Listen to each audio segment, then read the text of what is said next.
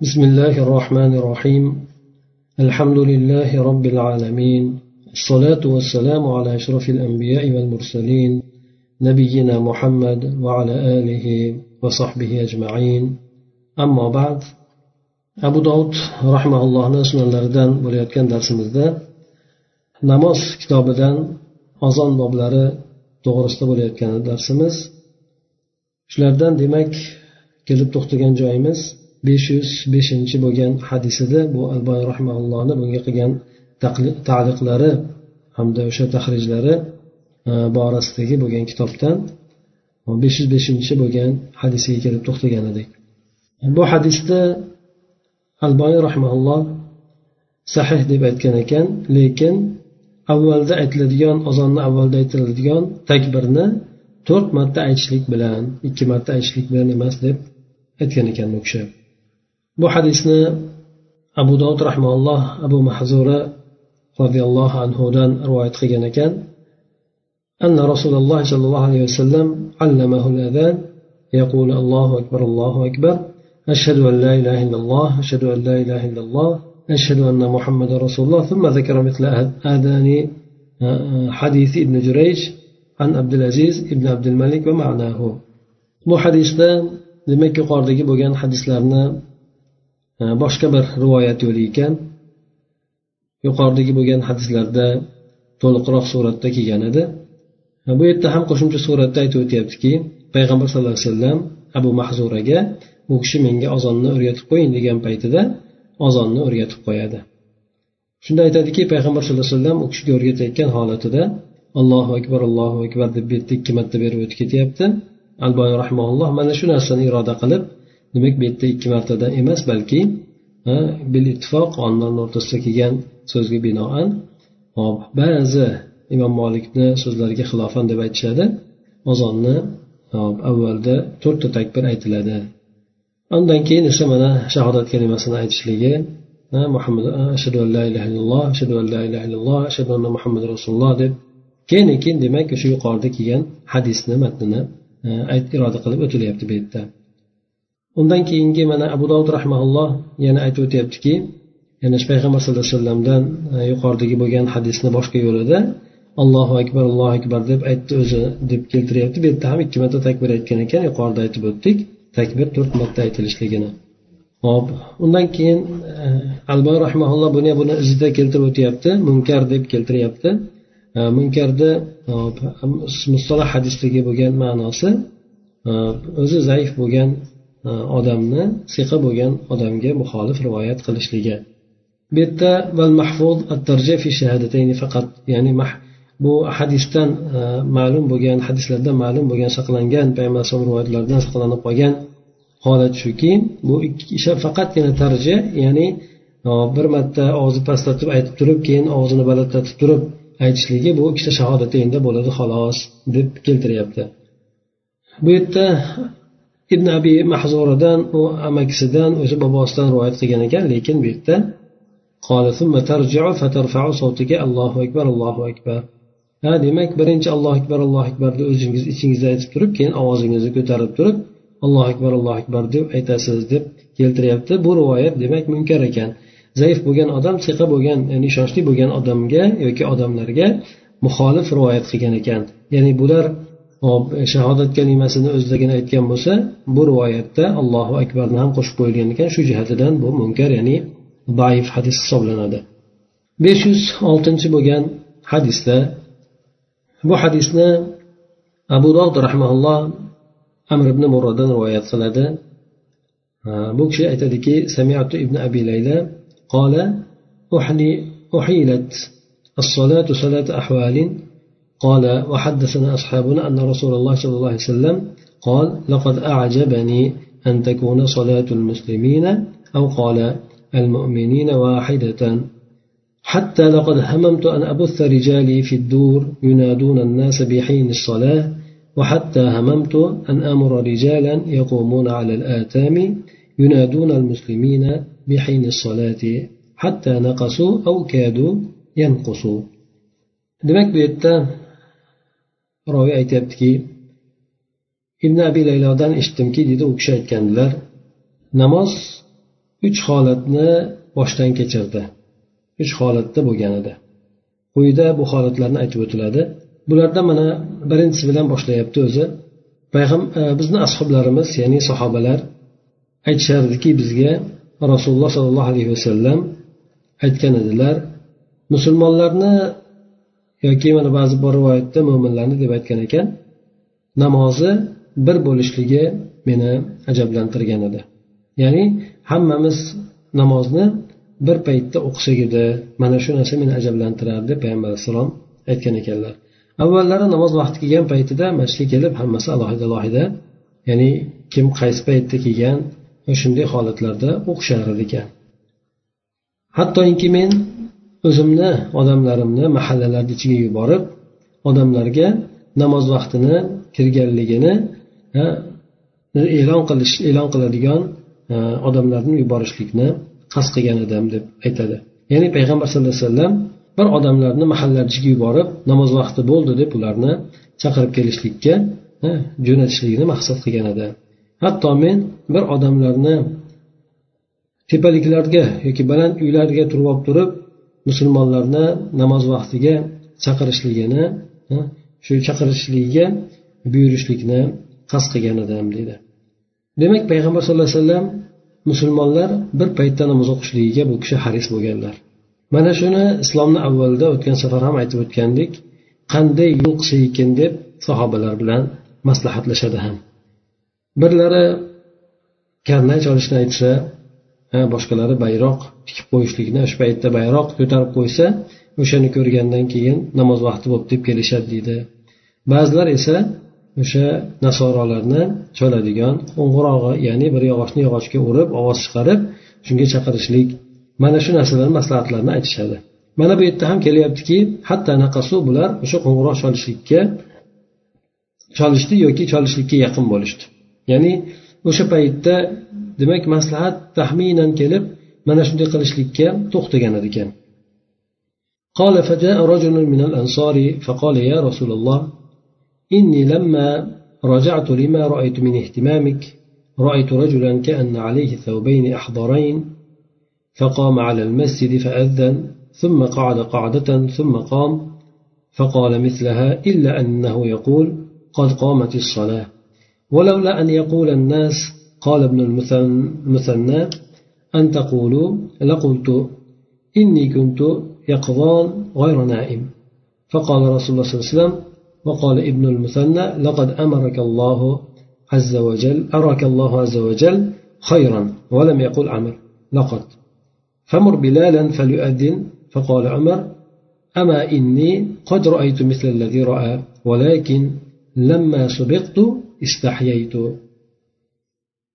Yana roviy aytadiki ansorlardan bir odam kelib aytdiki ey rasululloh sollallohu alayhi vasallam men sizni qattiq ahamiyat berganligingizni ko'rgandan keyin qaytgan edim. Uyga qaytgach bir odamni ko'rdim.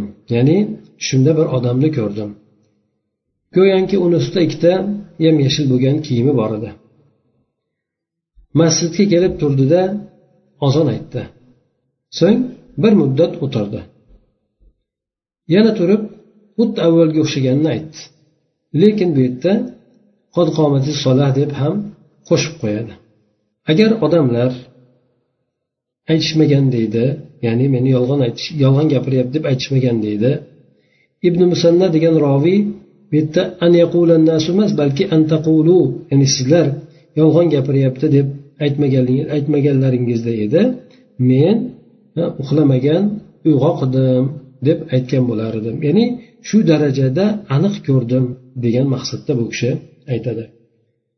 Payg'ambar sallallohu alayhi vasallam aytdiki shunda roviylardan ibn musanna aytdiki laqad arokallohu azza va jalla hayron. Ya'ni alloh azza va jalla sizga yaxshilikni ko'rsatibdi deb payg'ambar alayhissalom aytdi. Amir esa bu yerda laqot kalimasini keltirib aytmadi. Ya'ni arokallohu azza va jalla hayron degan so'zni o'ziga chegaralandi ana o'shandan keyin yana yana bu yerdagi bo'lgan ikki xil rivoyatni ba'zi so'zlarda farq qilishligini aytib o'tilyapti xolos.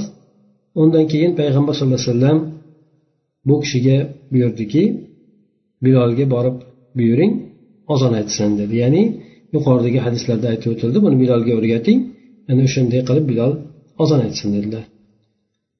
umar ibn hattob roziyallohu anhu bu kishi ham aytdilar ya'ni men mana bu ko'rgan odamni shu ko'rgan narsasiga o'xshagan narsani ko'rgan edim lekin mendan avval aytib qo'yilgach men hayo qildim ya'ni men ham ko'rgan edim deb aytishlikdan hayo qildim ya'ni o'sha narsani takrorlayapti deb gap bo'lib qolmasligi uchun قال وحدثنا أصحابنا قال وكان الرجل إذا جاء يسأل فيخبر, فيخبر بما سبق من صلاته وإنهم قاموا مع رسول الله صلى الله عليه وسلم من بين قائم وراكع وقاعد ومصل مع رسول الله صلى الله عليه وسلم.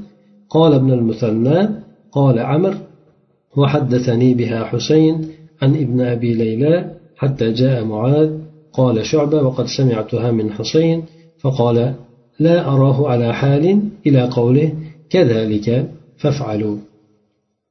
Yana roviy gapini davom ettirib aytadiki bizni ashoblarimiz bizga aytib berishardi ya'ni sahobalar bizga aytib berishardi. Bir odam so'rab kelardi.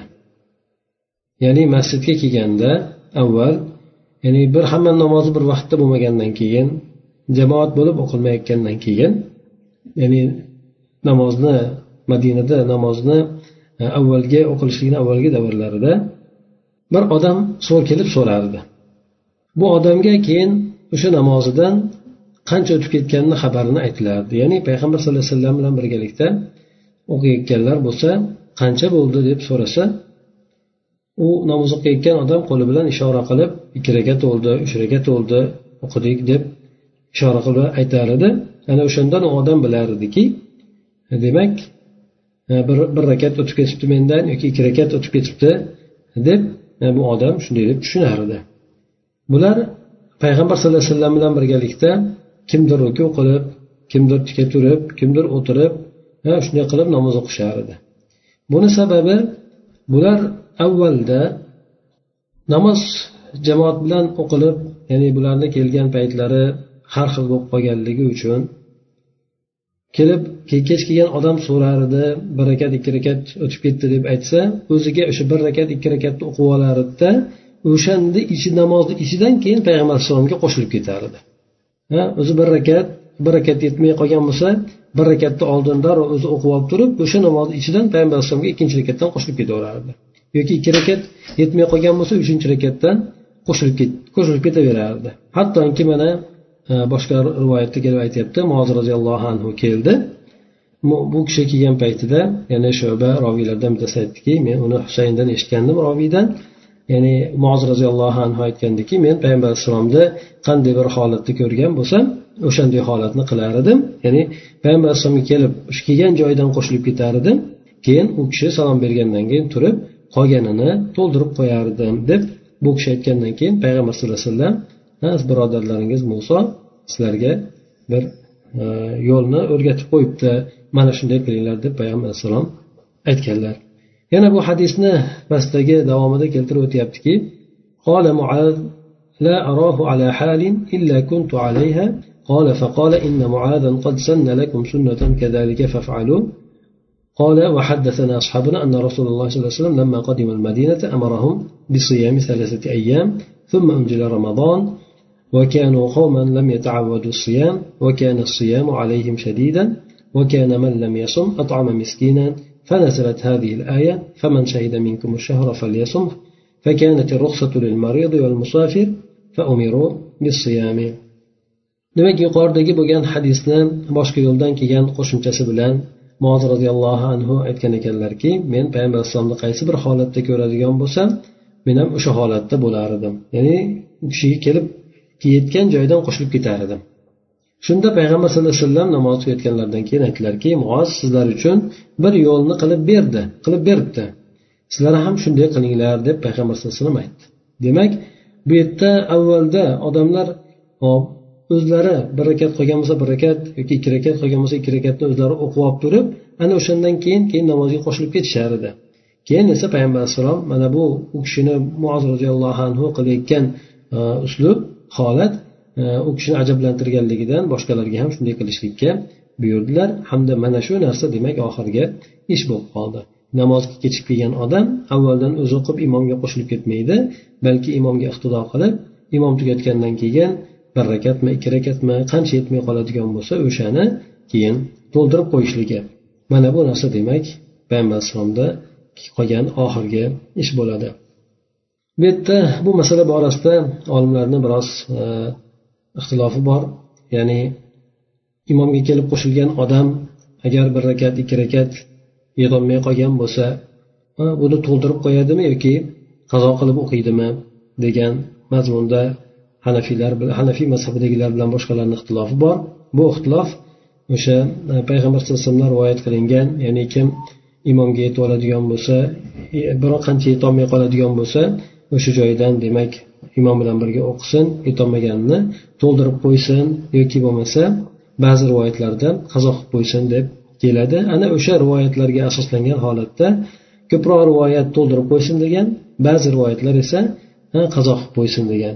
Shunda kimdir to'ldirib qo'ysin degan bo'lsa o'shani to'ldirib qo'ysin degan rivoyatga asoslangan holatida ya'ni bir odam kelib masalan shom namozigami xufton namozigami qaysi namozga masalan barakatga yetmay yetmay keladigan bo'lsa hamda imom o'shanda alhamdu bilan zam so'ra qilgan bo'lsa e, bu keyin uni to'ldirib qo'yayotgan odam agar e, to'ldirib qo'ysin degan bo'lsa unda bu odam alhamduni o'zini bilan kifoyalanadi zam so'ra o'qimaydi. Chunki uni kelib imomga qo'shilgan rakati birinchi rakat hisoblanadi.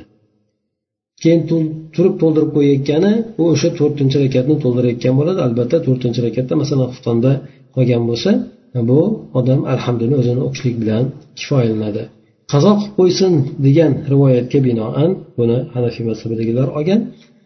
Ya'ni avvalda alhamdu surasini bilan zam surani o'qigan bo'lsa ana undan keyin imom e, keyin keyin qo'shilgan odam demak birinchi ikkinchi rakatda zam sura qiladida keyin e, albatta ikkitasida zam sura qiladi keyin uchinchi to'rtinchisida zam sura qilmaydi. E, to'ldirib qo'yayotgan odam bir marta zam sura qiladi qolganlarida zam sura qilmaydi. Mana shunday demak e, orasidagi bo'lgan farq bor. Lekin bu farq unchalik qattiq ta'sir qilmaydi namozga. Ya'ni qaysi birini qiladigan bo'lsa ham joiz lekin rivoyat ko'proq bo'lgan holati. Jumhur aytgan ya'ni to'ldirib qo'ysin deb aytgan rivoyat shunga binoan kelib o'qilayotgan namoz qayerda qo'shilgan bo'lsa o'sha uning uchun qo'shilgan odam uchun birinchi rakat hisoblanadi. Ana undan keyin o'zini hisobini o'zi olaveradi. Mana bu yerda demak davom ettirib hadisda keltirib aytadiki rasululloh sollallohu alayhi vasallam madinaga kelgan paytlarida musulmonlarni uch kun ro'za tutishlikka buyurgandilar. So'ng ramazon ro'zasi nozil bo'ladi. Bular ya'ni farz bo'ladi. Ularga o'sha ro'za to'g'risidagi oyat nozil bo'lib ularga ro'za tutishlik farz qilinadi. Lekin musulmonlar xosatan madinadagi bo'lganlar ro'za tutishlikka odatlanmagan qavm edi shu jihatdan ro'za ularga og'irlik qildi. Keyin kim xohlasa tutar edi ro'za tutolmaydigan odamlar esa miskinni taomlantirib qo'yadi bitta miskinni bir kundan taomlantirib qo'yardi. Keyin keyin mana bu oyat kalima nozil bo'ladi.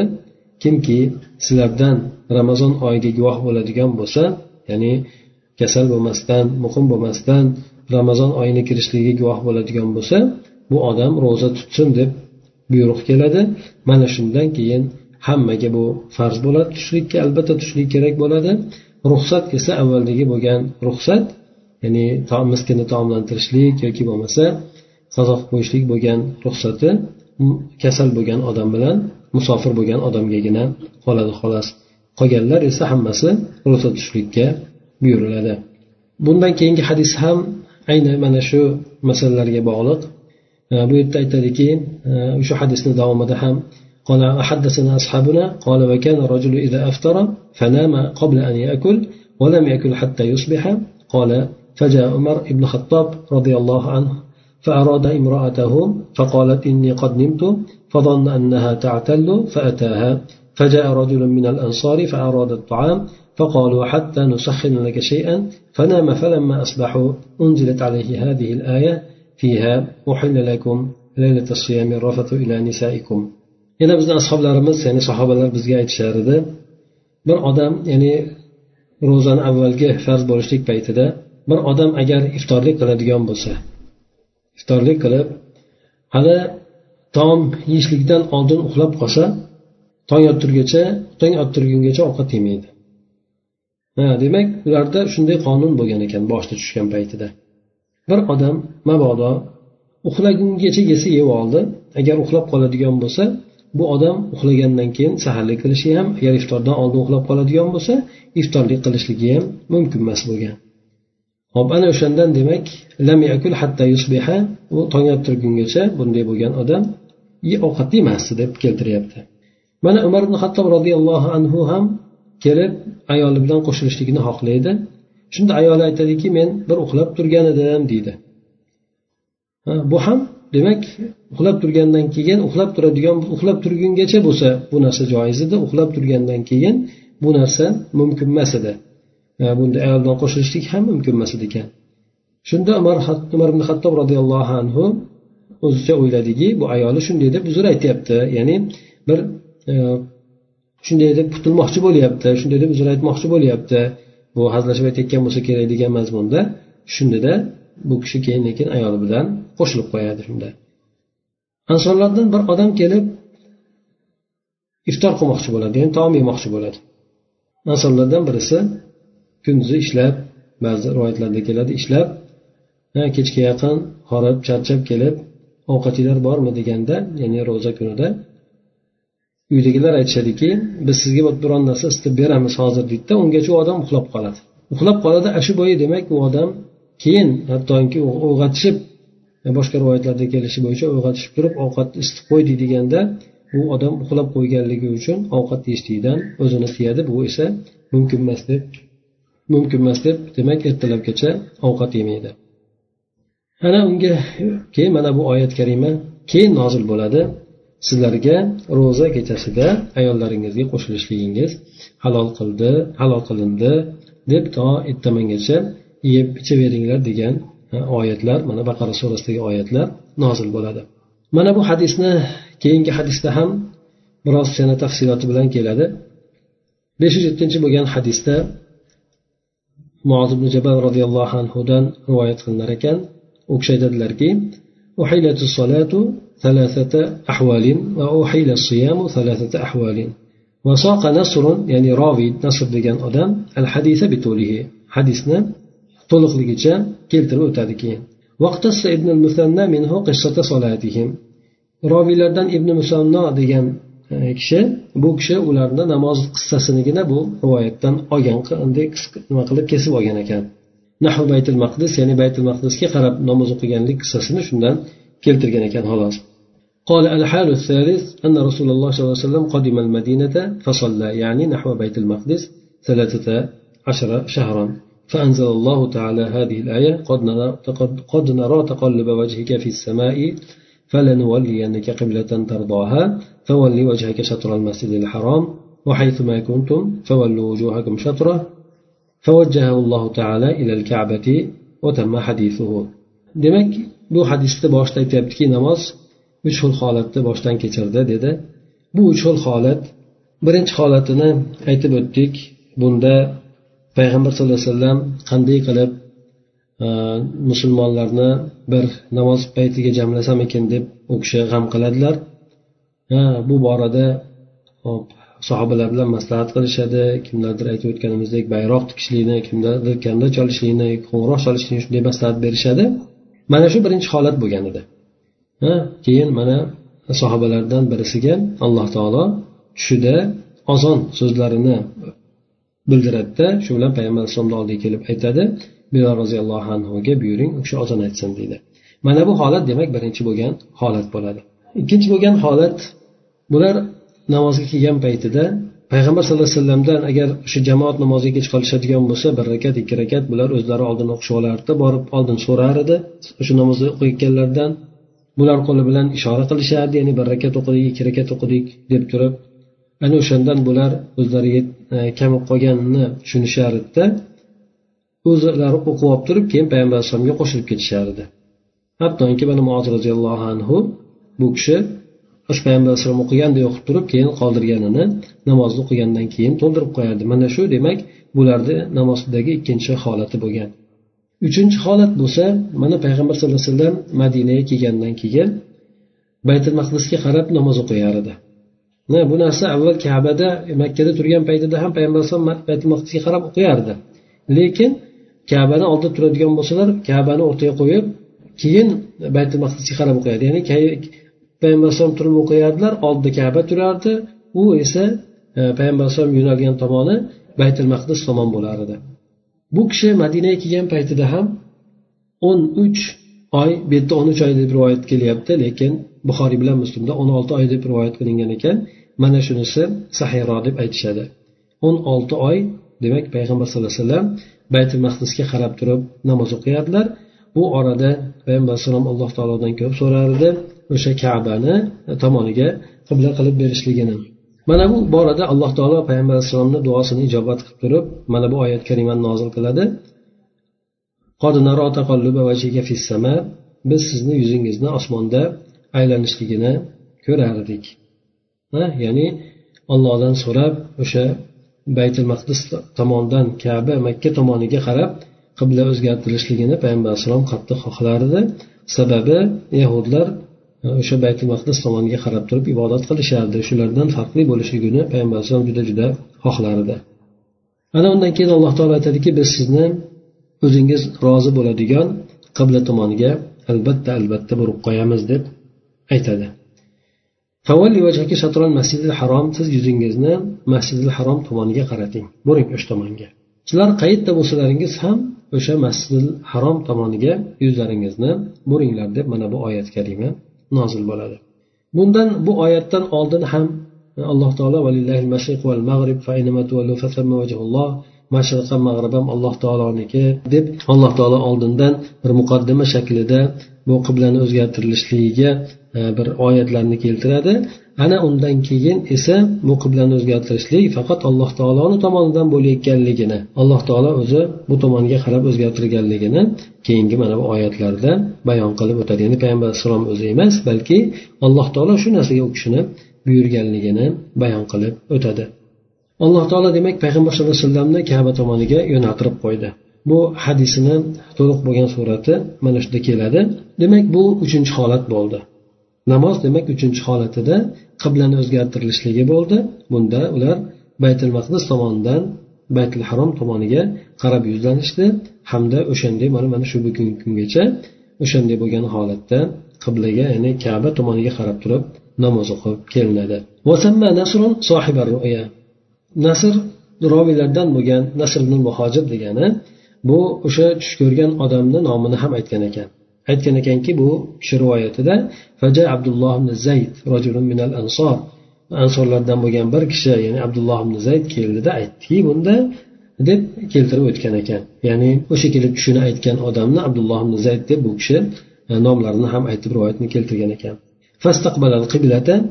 Allohu akbar allohu akbar. Bu kishi qiblaga kelib turib E, bu bu rivoyatda keltirib aytadiki qiblaga qarab turib allohu akbar allohu akbar deb aytgan bu yerda ham yuqorida mana albani rahmaulloh ozonni e, to'rtta takbir bilan aytilishligini boshqa rivoyatlar bilan jamlagan holatda taklif bo'ladi deb e, o'tyapti. Boshqa olimlar ham mana shu narsani aytishgan. Aytib o'tdik faqat imom molikka xilofan bo'ladi deb. Keyin ashadu an la ilaha illalloh ashadu an la ilaha illalloh ikki martadan ashadu anna muhammad rasululloh ashadu anna muhammad rasululloh deb hayya ala sola deb ikki marta aytgan. Hayya al falah deb ikki marta aytgan. Allohu akbar allohu akbar la ilaha illalloh deb ozon aytadida. So'ng bir muddat kutib turib turib yana turib aytadilarki xuddi o'shanga o'xshaganini aytadi. Lekin bu yerda hayya alal falah degandan keyin qod qomat sola qod qomat sola degan so'zni qo'shib qo'yadi. Shunda payg'ambar sallallohu alayhi vasallam buni bilol roziyallohu anhuga o'rgatib qo'ying dedi. Hop ya'ni talqin qiling ya'ni aytib o'rgatib qo'ying dedi. U bilan keyin bilol roziyallohu anhu bu so'zlar bilan ozon aytdi. Ro'za borasida esa ya'ni yuqoridagi hadisni ro'za borasidagi so'zni keltiryaptiki rasululloh sollallohu alayhi kana yasumu min kulli shahrin. Rasululloh sollallohu alayhi vasallam har oyda uch kun ro'za tutardilar. Va yasumu yawma ashuro ashuro kuni ro'zasini ham tutardilar. Ana undan keyin alloh taolo mana bu oyat kalimani nozil qildi. kutiba alaykumus siyamu kama kutiba alal ladina min qablikum la'allakum tattaqun sizlarga ro'za farz qilindi. Xuddi sizlardan oldingi kimsalarga farz qilingani kabi ro'za sizlarga ham farz qilindi. Shoyatki bu narsada laallakum tattaqun laalla bu yerda illatni bildiradi. Ya'ni sizlar taqvodor bo'lishlaringiz uchun ya'ni ro'zadan taqvo taqvoga ega bo'lishlaringiz taqvoda ziyoda bo'lishlaringiz uchun alloh taolo sizlarga ro'zani farz qildi deb keltiradi. Ya'ni sababi inson taqvodor bo'lishligi ollohni aytganini qilishligi qilmaydiganidan tiyilishligi mana shu maqsadda alloh taolo ro'zani sizlarga farz qildi deydi. Bu ro'za bir sanoqli bo'lgan kunlar xolos. Sizlardan qaysi bir kimsa kasal bo'ladigan bo'lsa yoki safarda bo'ladigan bo'lsa tutmaydigan bo'lsa boshqa kunlardan o'shani adadini tutib qo'yadi. endi ro'zani tutishlikda qiynaladigan odamlarga esa bir miskinni taomlantirishlik fidyasi fidyasi bo'ladi ha aytib o'tgan edik demak ro'za tutishlikka qiynalganlar ro'za tutishlik o'rniga bittadan miskinni qornini to'ydirib qo'yadigan bo'lsa bir mahal shu narsa ulardan soqit bo'lardi oldin demak mana shu oyatlar nozil bo'ladi فكان من شاء أن يصوم صام ومن شاء أن يفطر ويطعم مكان كل يوم مسكينا أجزأته أجزأه ذلك فهذا حول kim xohlasa ro'za tutishlikni ro'za tutardi kim ro'za tutishlikni xohlamasa ya'ni tutmaslikni xohlasa va o'rniga bitta miskinni har kuniga to'ydirib qo'yishlikni xohlaydigan bo'lsa ro'za tutishlikni o'rniga u ham undan e, joiz bo'laverardi ya'ni soqit qilaverardi bu narsa mana bu demak birinchi holati mana shu bo'lgan bir holati demak mana shu bo'ldi keyin alloh taolo ushbu oyatni nozil qildi shahru ramazon qur'an هدى للناس وبينات من الهدى والفرقان فمن شهد منكم الشهر فليصمه ومن كان مريضا أو على سفر فعدة من أيام أخر ramazon oyida alloh taolo qur'onni odamlarga hidoyat qilib hamda hidoyatdan furqondan hujjatlar qilib alloh taolo nozil qildi ya'ni qur'on odamlarga hidoyat bo'lib keldi Hidoyat bo'lib ham ichida hujjatlari bilan dalillari bilan keldi. Kimki mana bu oyga guvoh bo'ladigan bo'lsa ro'za tutsin. Kimki kasal bo'lgan bo'lsa yoki safarda bo'ladigan bo'lsa tutolmaydigan bo'lsa boshqa kunlardan tutib qo'ysin uni deb turib keltirib o'tadi. Demak mana bu yerda keyingi oyatda o'sha ro'zada bo'lgan odamlarga ro'za kirgan paytda sog'lom bo'lgan hamda safarda bo'lmagan odamlarga ro'za tutishlikni hammasiga farz ekanligini bu oyat bayon qildi. Demak yuqoridagi bo'lgan ixtiyorni mana bu oyatda bekor qildi. Ya'ni oyga guvoh bo'lgan odamlarga ro'za sobit bo'ldi endi ularga farz bo'ldi. Musofir bo'lgan odam agar tutolmaydigan bo'lsa bu odam e, qazo qilib qo'yishligi mumkin. Qazo qilib qo'yishligi lozim bo'ladi. وثبت الطعام للشيخ الكبير والعجوز اللذين لا يستطيع لا يستطيعان صومه وجاء سرمته وقد عمل يومها taom esa ya'ni fidya berishlik esa yoshi katta bo'lgan e, qariya bo'lgan cholu kampirlarga e, taom fidya berishlik ya'ni ro'za tutishlikka e, qodir bo'lolmaydigan qiynalib ketadigan qariyalarga taom fidya berishlik mana bu narsa sobit bo'ldi deydi Keyin sirma degan roviy sahobiy kelib o'sha kun bo'yi ishlaganida taom yeyman deganida ovqat uyda yo'q ekan hozir biz sizga tayyorlab beramiz deydi. Bu kishi uxlab qoladi. Shundan keyin ertamangacha hech narsa yemaydi. Kunduz kuni ishga chiqib ketgan paytda juda qiynalib ketganini ko'rib payg'ambar alayhisalom so'raydi. O'sha demak unda yuqoridagi bo'lgan boshqa hadisdagi eh, holatni bu kishi eh, keltirib o'tyapti rivoyat. Demak bu yerda vasaqol hadis deb turib hadisni keyingi davomini keltirib o'tdi demak hadis bu hadis e, uzun hadis bo'lgan. Shundan e, ba'zi e, nimalarisiz qo'shimchalarsiz pastda kelgan davomisiz shu mavzuga aloqador bo'lgan joylarni o'zinigina keltirib o'tilyapti. Demak bu yerda namoz borasidagi uch holatni aytib o'tdik. Ro'za borasida ham uch xil holat bo'lib o'tgan edi. Birinchisi aytib o'tildi payg'ambar alayhisalom ramazon uch kun ramazon tutar ro'zasini tutardi oshuro kuni tutardi bu birinchi holat bo'ldi. Keyin e, alloh taolo ro'zani avvalda farz qilgan paytida ixtiyorni berdi. Ya'ni xohlagan odam tutdi qiynalib qolgan odamlar tutolmadim deyotgan ro'zaga o'rganmagan sal qiyinchilik tortadigan odamlar tutmasdan o'rniga fidya to'lashdi. Bu ikkinchi holat edi. Uchinchi holatda esa demak hammaga farz qilindida faqat bundan musofir bo'lganlar bilan kasaldagi kasal bo'lganlar istisno qilindi.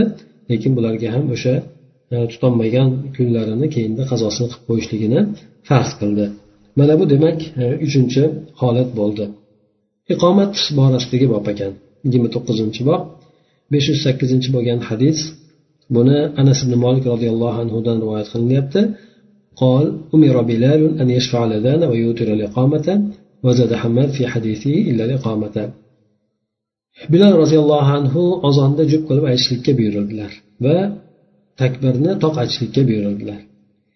Hammod o'zini hadisda yana ziyoda qilgan ekanki illal iqomata ya'ni qod qomati sola o'shani e, bir marta aytmaydi ya'ni qolganini bir marta aytadi degan e, mazmunda keltirib o'tyapti. Undan keyingi hadisda ham aynan mana shuga e, o'xshagan rivoyat bu yerda ham illal iqomata deb keltiryapti. ya'ni shu qod qomati solada aytilishligi undan keyingi besh yuz o'ninchi bo'lgan hadisda ibn umardan roziyallohu anhudan keltirilyapti u kishi aytadilarki إنما كان الأذان على عهد رسول الله صلى الله عليه وسلم مرتين مرتين والإقامة مرة مرة غير أنه يقول قد قامت الصلاة قد قامت الصلاة فإذا سمعنا الإقامة توضأنا ثم خرجنا إلى الصلاة قال شعبة لم أسمع عن أبي جعفر غير هذا الحديث ibn umar aytadilarki ozon payg'ambar sallallohu alayhi vasallam davrlarida ikki marta ikki martadan aytilardi. Takbir esa e, bir marta bir martadan aytilardi. Lekin bu yerda qomat deb aytadi deydi. Biz ozon e, e, takbirni eshitadigan bo'lsak tahorat qilardik hamda namozga chiqardik. Sho'ba aytadiki men abu jafardan bundan boshqa hadisni eshitmaganman. Ya'ni bu abu jafardan qilgan bittagina rivoyat ekan xolos. Mana bu hadisda payg'ambar sallallohu alayhi vasallam davrlarida ozon ikki marta ikki martadan aytilardi deb keldi. Demak boshida allohu akbar allohu akbar allohu akbar allohu akbar deb demak ikki marta aytilgan. Ya'ni allohu akbar deb bitta ya'ni ikkitasi bitta aytilgan. Mana allohu akbar allohu akbar allohu akbar allohu akbar desa ikki marta deb e'tibor qilinadi. Bularni keyingi masalan ashhadu an la ilaha illalloh ashhadu an la ilaha illalloh ashhadu anna muhammad rasululloh ashhadu anna muhammad rasululloh. Demak bularni ikki martadan aytilar edi hop takbir desa bir martadan aytilardi. Bir martadan aytilgani bilan baribir avvaldagi takbir ikki marta bo'lib qolardi. To'rttadan ikkitaga tushardi ya'ni allohu akbar allohu akbar deb aytiladi. Undan keyin qod qomat qod deb ikki marta aytib qo'yiladi. Hop undan keyingi allohu akbar la ilaha illallohdagi allohu akbar la ilaha illallohda aytilishligi. Bu yerda ikki marta kelgan lekin olimlar aytishadiki boshqa hadislardagi rivoyatlarga ham e'tiborga kelgan holatda bu keyingi avvaldagi takbir ham keyingidagi takbir ham ikki martadan aytiladi deyishadi. Unda ham ikki marta bunda ham ikki martadan aytiladi. Demak boshligi allohu akbar allohu akbar ikki marta aytilishligi shahodat la ilaha illalloh bu bir marta shahodat muhammad rasululloh bu yana bir marta hayya ala sola bir marta hayya ala fala bir marta. Ana undan keyin qod qomat sila qod qomat allohu akbar allohu akbar la ilaha illalloh deb aytiladi. Mana shu mashhur deb E, keltirishgan endi boshqa rivoyatlarni ham e'tiborga olgan holatda. Endi yana bu ba'zilarda to'rttalik aytilishligi ham bor bu ham albatta rivoyatlarga suyangan yuqorida ham keltirib o'tildi. Ya'ni xuddi ozon aytganidek aytilar edi takbir faqatgina e, bu ozonda ikki marta ya'ni bittasida o'n to'qqiz kalima bittasida o'n yetti kalima bo'lgan edi. Ya'ni bu yerdagi bo'lgan farqi e, o'n to'qqizta kalima aytilganda o'n to'qqizta jumla aytilgan paytida bu inson avvaldan shahodat kalimasini o'zi uchun aytib olardida ya'ni e, to'rt marta takbir aytgandan keyin o'zida ashhadu an la ilaha illalloh ashhadu an la ilaha illalloh ashhadu anna muhammad rasululloh ashhadu anna muhammad rasululloh deb o'zini ichida aytib keyin o'shani bilan birgalikda nimani yana e, o'sha shahodatni ikkalasini ham la ilaha e, shahadatu la ilaha illalloh shahadatu muhammad rasululloh ikkalasini ham ovozini ko'tarib aytar edi demak mana shunisi bilan farq qilganda xolos. Keyin keyin e, oxirida takbirda qod qomat ikki marta aytilardi. Mana shu bilan o'n yettita jumla bo'lgan deb aytishgan. Ana shu rivoyatga suyangan holatda ba'zilar takbirlarni ham e, iqomat aytishlikda ham takbirlarni to'rt martadan xuddi ozonga o'xshatib aytiladi. Faqatgina qod qomat soladi bu yerga qo'shib qo'yiladi deb keltirilgan. Bu ham demak E, rivoyatga asoslangan bo'ladi. Demak mashhur bo'lgani esa mana bu ikki martadan takbir e, takbirlar ikki martadan aytilishligi hamda qomat sola ham ikki martadan aytilishligi qolganlari esa bir martadan aytilishligi mana shunisi ko'proq mashhur bo'lib qolgan ekan. besh yuz o'n birinchi bo'lgan hadisda ayni mana shuni keltirib o'tadi. Rivoyatda ibn umardan boshqa yo'ldan kelgan rivoyati bilan keltirib o'tadi hadis ya'ni o'sha hadisni keltirgan ekan. buni ham darajasi hasan darajasida ekan mana shu yergacha demak kifoyalansak bo'ladi سبحانك اللهم وبحمدك نشهد أن لا إله إلا أنت نستغفرك ونتوب إليك اللهم انفعنا بما علمتنا وعلمنا ما ينفعنا وزدنا علما